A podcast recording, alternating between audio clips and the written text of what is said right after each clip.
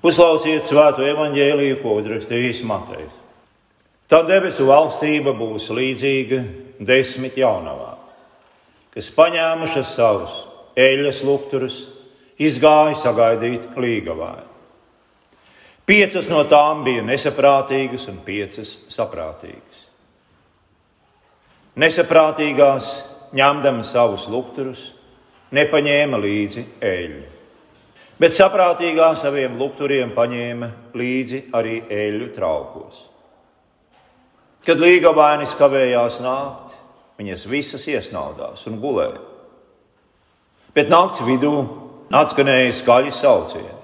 Redzi, līga vainis nāk, izējiet viņus sagaidīt. Tad visas desmit jaunavas uzcēlās un sagatavoja savus lukturus. Nu, nesaprātīgās lūdza saprātīgajā. Dodiet mums no savas eļļas, jo mūsu lukturi izdzies. Bet saprātīgās atbildēja: Nē, tā nepietiks ne mums, ne jums. Labāk ejiet pie tirgotājiem un nopērciet sev. Kamēr viņas gāja pirkt, atnāca līga vairs un tās, kuras bija gatavas, iegāja līdzi ar viņu kāzu namā, un durvis tika aizslēgtas. Vēlāk atnāca arī pārējās jaunās un sauca: Kungs, kungs, atver mums! Bet viņš tām atbildēja: Patiesi es jums saku, es jūs nepazīstu. Tādēļ esiet nomodā, jo jūs nezināt nec to dienu, nec stundu. Āmen! Mēs varam uzdot būtisku jautājumu, kas ir šis Jēzus teksts, Jēzus līdzība pār desmit jaunavām, vai tā ir bauslība vai evaņģēlijs. Vai tā ir pavēle, biedinājums, vai arī žēlastības pilns apsolījums. Un kad mēs lasām un pārdomājam šo tekstu, mēs ieraugām, ka piecām jaunavām tas bija evaņģēlijas un piecām bauslību. Piecām jaunavām tas bija kaut kas brīnišķīgs un iepriecinošs. Kaut kas tāds, kas pārsniedz visu, ko cilvēka sirds šajā pasaulē pēc kā ilgojas un grib sasniegt. Dzīves piepildījums un jaunā pasaule. Piecām tā bija briesmīgākais, ko vien prāts spēja iedomāties. Baismīgie Jēzus vārdi - es jūs nepazīstu. Lai saprastu Jēzus līdzību, mums vispirms jāzina ir tās vēsturiskais fons. Nu, parasti līgavainis ar dažiem tuviem draugiem izgāja no mājām, lai dotos uz līgavas mājām, kur notika dažādas kāzu ceremonijas. Pēc tam sakoja gājiens pa ielām pēc tumsas iestāšanās, vedot līgavu uz līgavaiņu māju. Un desmit jaunavas var būt līgavas māsas, kas palīdzējušas līgavai, un viņas gaidīja, lai satiktu līgavāju, kad viņš nāks no līgavas mājas. Ikvienam gājienā bija jānes sava lāpa. Tie, kuriem tās nebija, tiktu uzskatīti par nu, svinību postītājiem vai pat par ļaundariem. Svētki, kas parasti ilga vairākas dienas, oficiāli sākās Līgavaņu mājās. Un lāpa bija vai nu lampa ar mazu eļļas tvērtni un dakti, vai arī nūja ar eļļā samērcētu lupatu tās galā. Un tai bija nepieciešama atkārtota mērcēšana eļļā, lai uzturētu liesu. Kopējais un viegli pamanāmais līdzības saturs ir tāds, ka Kristus atgriezīsies nezināmā stundā un ka viņa ļaudīm ir jābūt gataviem. Būt gataviem nozīmē sagatavoties jebkurai situācijai, kas rodas mūsu dzīvē. Un visu laiku pievērst uzmanību Jēzum, kamēr mēs ar nepacietību gaidām viņa atnākšanu. Ja tas ir tas, ko mēs katru reizi dzirdam vakarēdienu liturģijas vārdā. Un tas ir tas, par ko mēs īpaši katru gadu runājam Adventa laikā, kas tagad arī strauji tuvojas. Tā kunga otrā atnākšana, šīs pasaules beigas. Un tagad apskatīsim galvenos jautājumus mūsu tekstā drusku pamatīgi. Un pirmā lieta, kas mums jāzina, ir, ko šajā līdzībā nozīmē eļļa lukturot. Nu, pirmkārt, eļļa ir elements, kas nāk no ārpuses. Tātad tas ir kaut kas tāds, kas nevar būt pašā cilvēkā. Nu, piemēram, nevainojama cilvēka dabas, šīs īpašības, laba rīcība. Cilvēks nevar izspiest eļļu no sevis. Tā jānāk no ārpuses. Un eļļa Bībelē ir svētā gara metāfora. Jo svaidīšana ar eļļu ir līdzvērtīga svētā gara saņemšana. Nopkopojot šos secinājumus, atklājam, ka gudrā jaunava ir kristietis, kura sirdī ir svētais gars. Atcerieties, ka bija tikai divu veidu jaunavas. Piecas bija tās, kurām bija eļļa, un piecas tās, kurām nebija. Atšķirīgam eļļas daudzumam nav nekādas nozīmes. Un, kad Jēzus runāja par svēto garu, viņš lietoja vietnieku vārdu viņš, personas vietnieku vārdu. Tas nozīmē, ka svētais gars ir persona. Viņš nav kaut kāds spēks vai enerģija. Viņš nav tas, viņš ir viņš, persona. Svētais gars un arī Jēzus un Tēvs nāca, lai mājotu mūsos kad mēs kristībās piedzimām no jauna, jaunai mūžīgai dzīvei. Un Dievs ir devis svēto garu ticīgajiem kā zīmolu, kas ir mūsu atpestīšanas zīme mūžīgai dzīvei. Bet kā mēs zinām, ka svētais gars vēl joprojām mājo mūsos? Iespējams, ir pagājuši gadu desmiti kopš tikām kristīti. Un viss prieks, ko piedzīvojām mūsu agrīnajā ticības stadijā, ir zudis. Ja mēs meklējam pierādījumu savai pestīšanai, savās jūtās vai pārdzīvojam, mēs beigu beigās neglābjami nonākam pie neticības un šaubu. Mēs varam rast pilnīgu drošību tikai no paša Dieva apsolījuma. No tiem, kurus Viņš mums ir devis Bībelē. Svētais gars mīt mūsos mūžīgi. Ja vien mēs apzināti un mētiecīgi viņu nenoliedzam. Un tas notiek neatkarīgi no tā, ko mēs jūtam katrā atsevišķajā dzīves brīdī. Jo svētā gara klātbūtne mūsos nav atkarīga no tā, kas ir.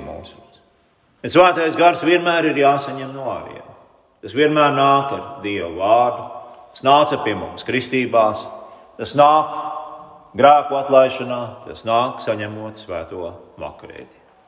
Tad mums vienmēr ir jāatcerās šis objektīvais raksturs. Tas, ka tu jūties slikti, nenozīmē, ka tu ej pazušanu. Un tas, ka tu jūties labi un laimīgi un priecīgi, nenozīmē, ka tu ej uz debesīm.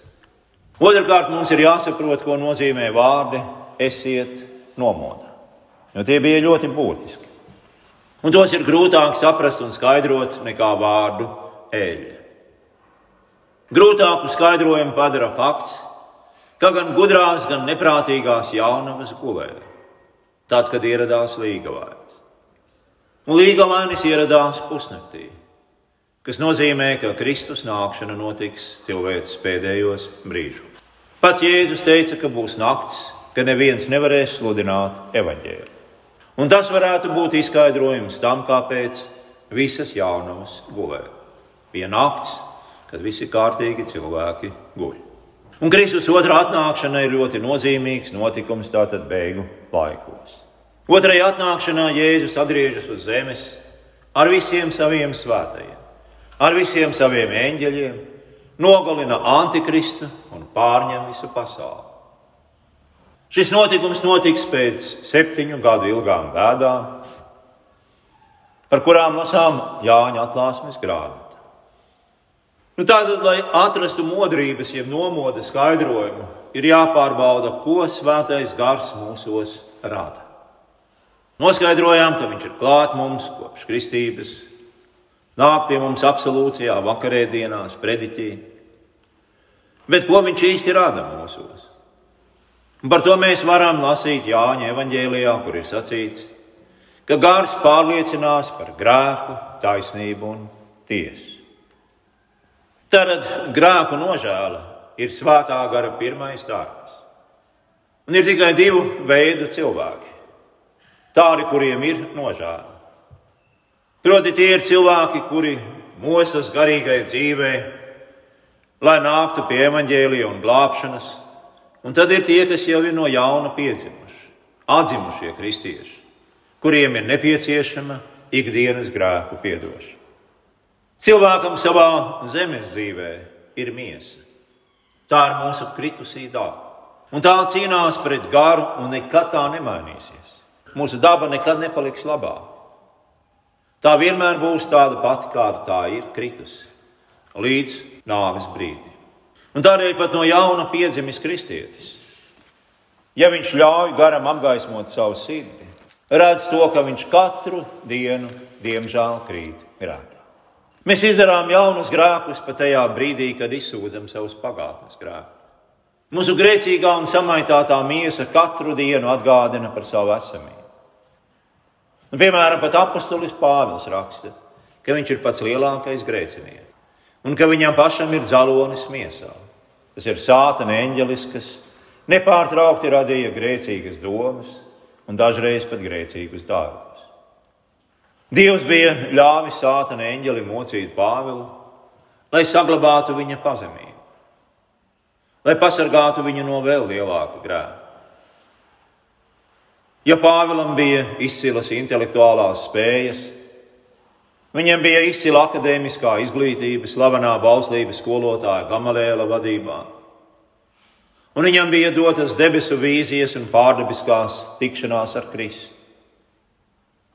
Un Pāvils zināja, ka tur, kur grēks ir liels, vairojas Dieva žēlastība. Viņš zināja, ka viņš ir grēcinieks, liels grēcinieks. Luters uzskatīja, ka ērčis Pāvilam iesāja nešķīstas un augstprātīgas domas. Attaisnošanas mācība ir otrā un svarīgākā svētā gara funkcija, jeb darbība. Un tā nozīmē pagodināt Kristu. Taisnība nozīmē katru dienu izsūdzēt grēkus un saņemt atdošanu ticībā. Piedošana balstās tikai uz Kristus nāvi un uz viņa izlietajām asinīm. Tātad šī ir atgriešanās pie attaisnošanas tikai ticībā, un tā mums ir vajadzīga katru dienu. Un daži patiesi ticīgi cilvēki domā, ka modrība nozīmē darīt visu iespējamo un visu, kas ir manos spēkos. Bet pie kā mēs tad nonākam? Mēs nonākam pie jauna likuma pie jaunas bauslības. Cilvēks pats sev nosaka likumu, ko viņš katru dienu cenšas izpildīt ar visiem saviem spēkiem. Bet nu, ko darīt, ja jūs vienkārši nevarat tikt galā un vēlaties vienkārši apgulties savā gultā, brīžos, kad jūtaties slings un noguris? Jūs varat ar likuma pātagu bezgalīgi šaustīt sevi, jo vienmēr taču kaut ko var izdarīt labāk. Tomēr bauslība agrāk vai vēlāk novedīs jūs strupceļā. Un ne tikai strupceļā, bet pilnīgā izmisumā. Ja vien jūs neatradīsiet žāvastību, ja neatradīsiet evaņģēli. Pagātnes paudzes ticīgie teica vienkārši: saglabājiet saikni ar Dievu. Ko tas nozīmē? Šāda īsa modrības interpretācija nozīmē arī to, ka mēs vienmēr atgriežamies pie pabeigtā darba. Pie tā darba, ko Kristus paveica pie krusta. Nevis pie saviem darbiem, pie darītiem un nedarītiem, bet pie tā, ko Kristus ir darījis mūsu labā. Jo tikai pie krusta var dzirdēt pasauli mainošos mūsu mirstošā kunga vārdus. Viss ir pabeigts, viss piepildīts. Un tad, kad tu paļaujies uz Kristus paveikto darbu, nevis uz saviem nepilnīgajiem un nepaveiktajiem darbiem, vai arī dzīvo absolūtā un pilnīgā nelikumībā.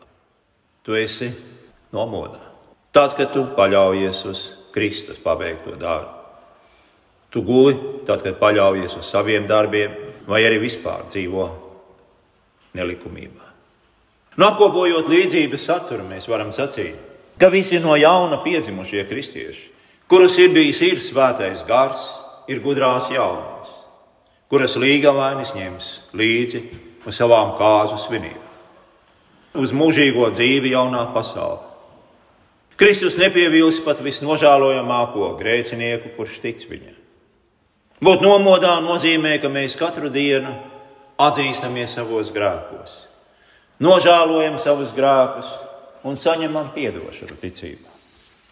Tas mūs attaisno Dieva priekšā. Mēs nevaram neko pievienot Kristus izcīnītajai pestīšanai. Bet mums ir jāsargās arī padarīt grēku nožēlošanu par jaunu likumu, par jaunu bauslību. Paši ar saviem centieniem uzlabot sevi, jūs cietīsiet neveiksmi. Skatieties uz Dieva jēru, kurš nes pasaules grēku, un Viņš atņems arī jūsu grēku. Neprātīgās jaunavas ir tās, kurām ir tikai kristīga fasāde. Viņas nekad nav piedzimušas no jauna. Tas ir nekad nav ticējušas kristībā saņemtajai dieva žēlastībai un likušas to lietā savā dzīvē. Neprātīgās jaunavas ir arī tās, kuras apzināti dzīvo grēkā, bez grēksūdzes, grēku nožāles un vēlmes labot. Tādējādi apzināti apslāpējot svēto gāru. Un, protams, arī atkritēji, kas ir nolieguši Kristu, pieder pie neprātīgajām jaunavām. Tāpat kā pie tām pieder farizēji, kas cenšas sevi attaisnot ar saviem bauslības darbiem un neievēro Kristus izpirkšanas darbu mūsu labā. Mūsu vietā ir neprātīgas jaunavas, tās, kas neņem vērā to, ko Kristus ir darījis, bet cenšas paļauties uz saviem darbiem. Un visas neprātīgās jaunavas tiks atstātas ārpus kāzu svinībām. Ja vien tās nebūs nožēlojušas grēkus. Bet Dievs ir uzticīgs. Viņš nevēlas, lai kāds no mums iet pazušanā.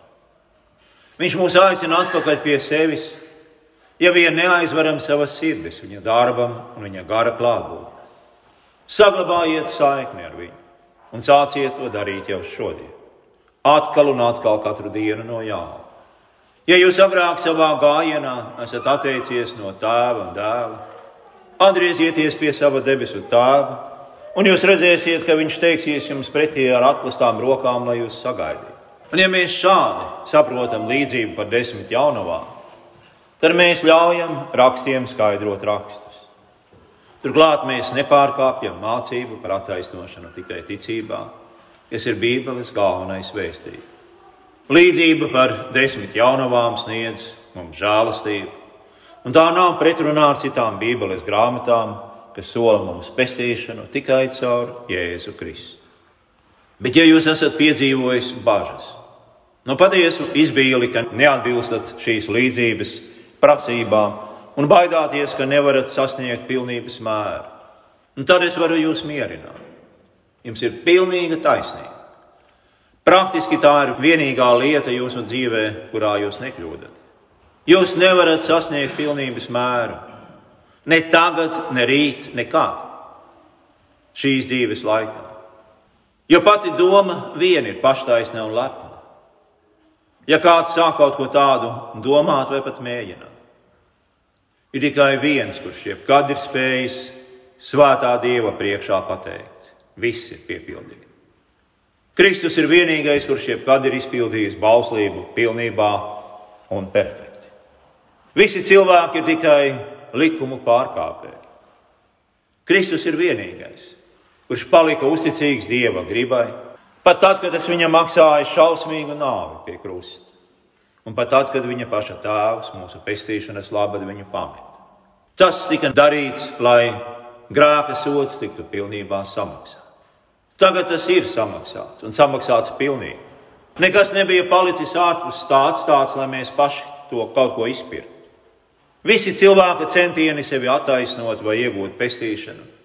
Nav nekas cits kā netīras lupatas, kas ir jāizmet, kā pravietis Iesēja saka.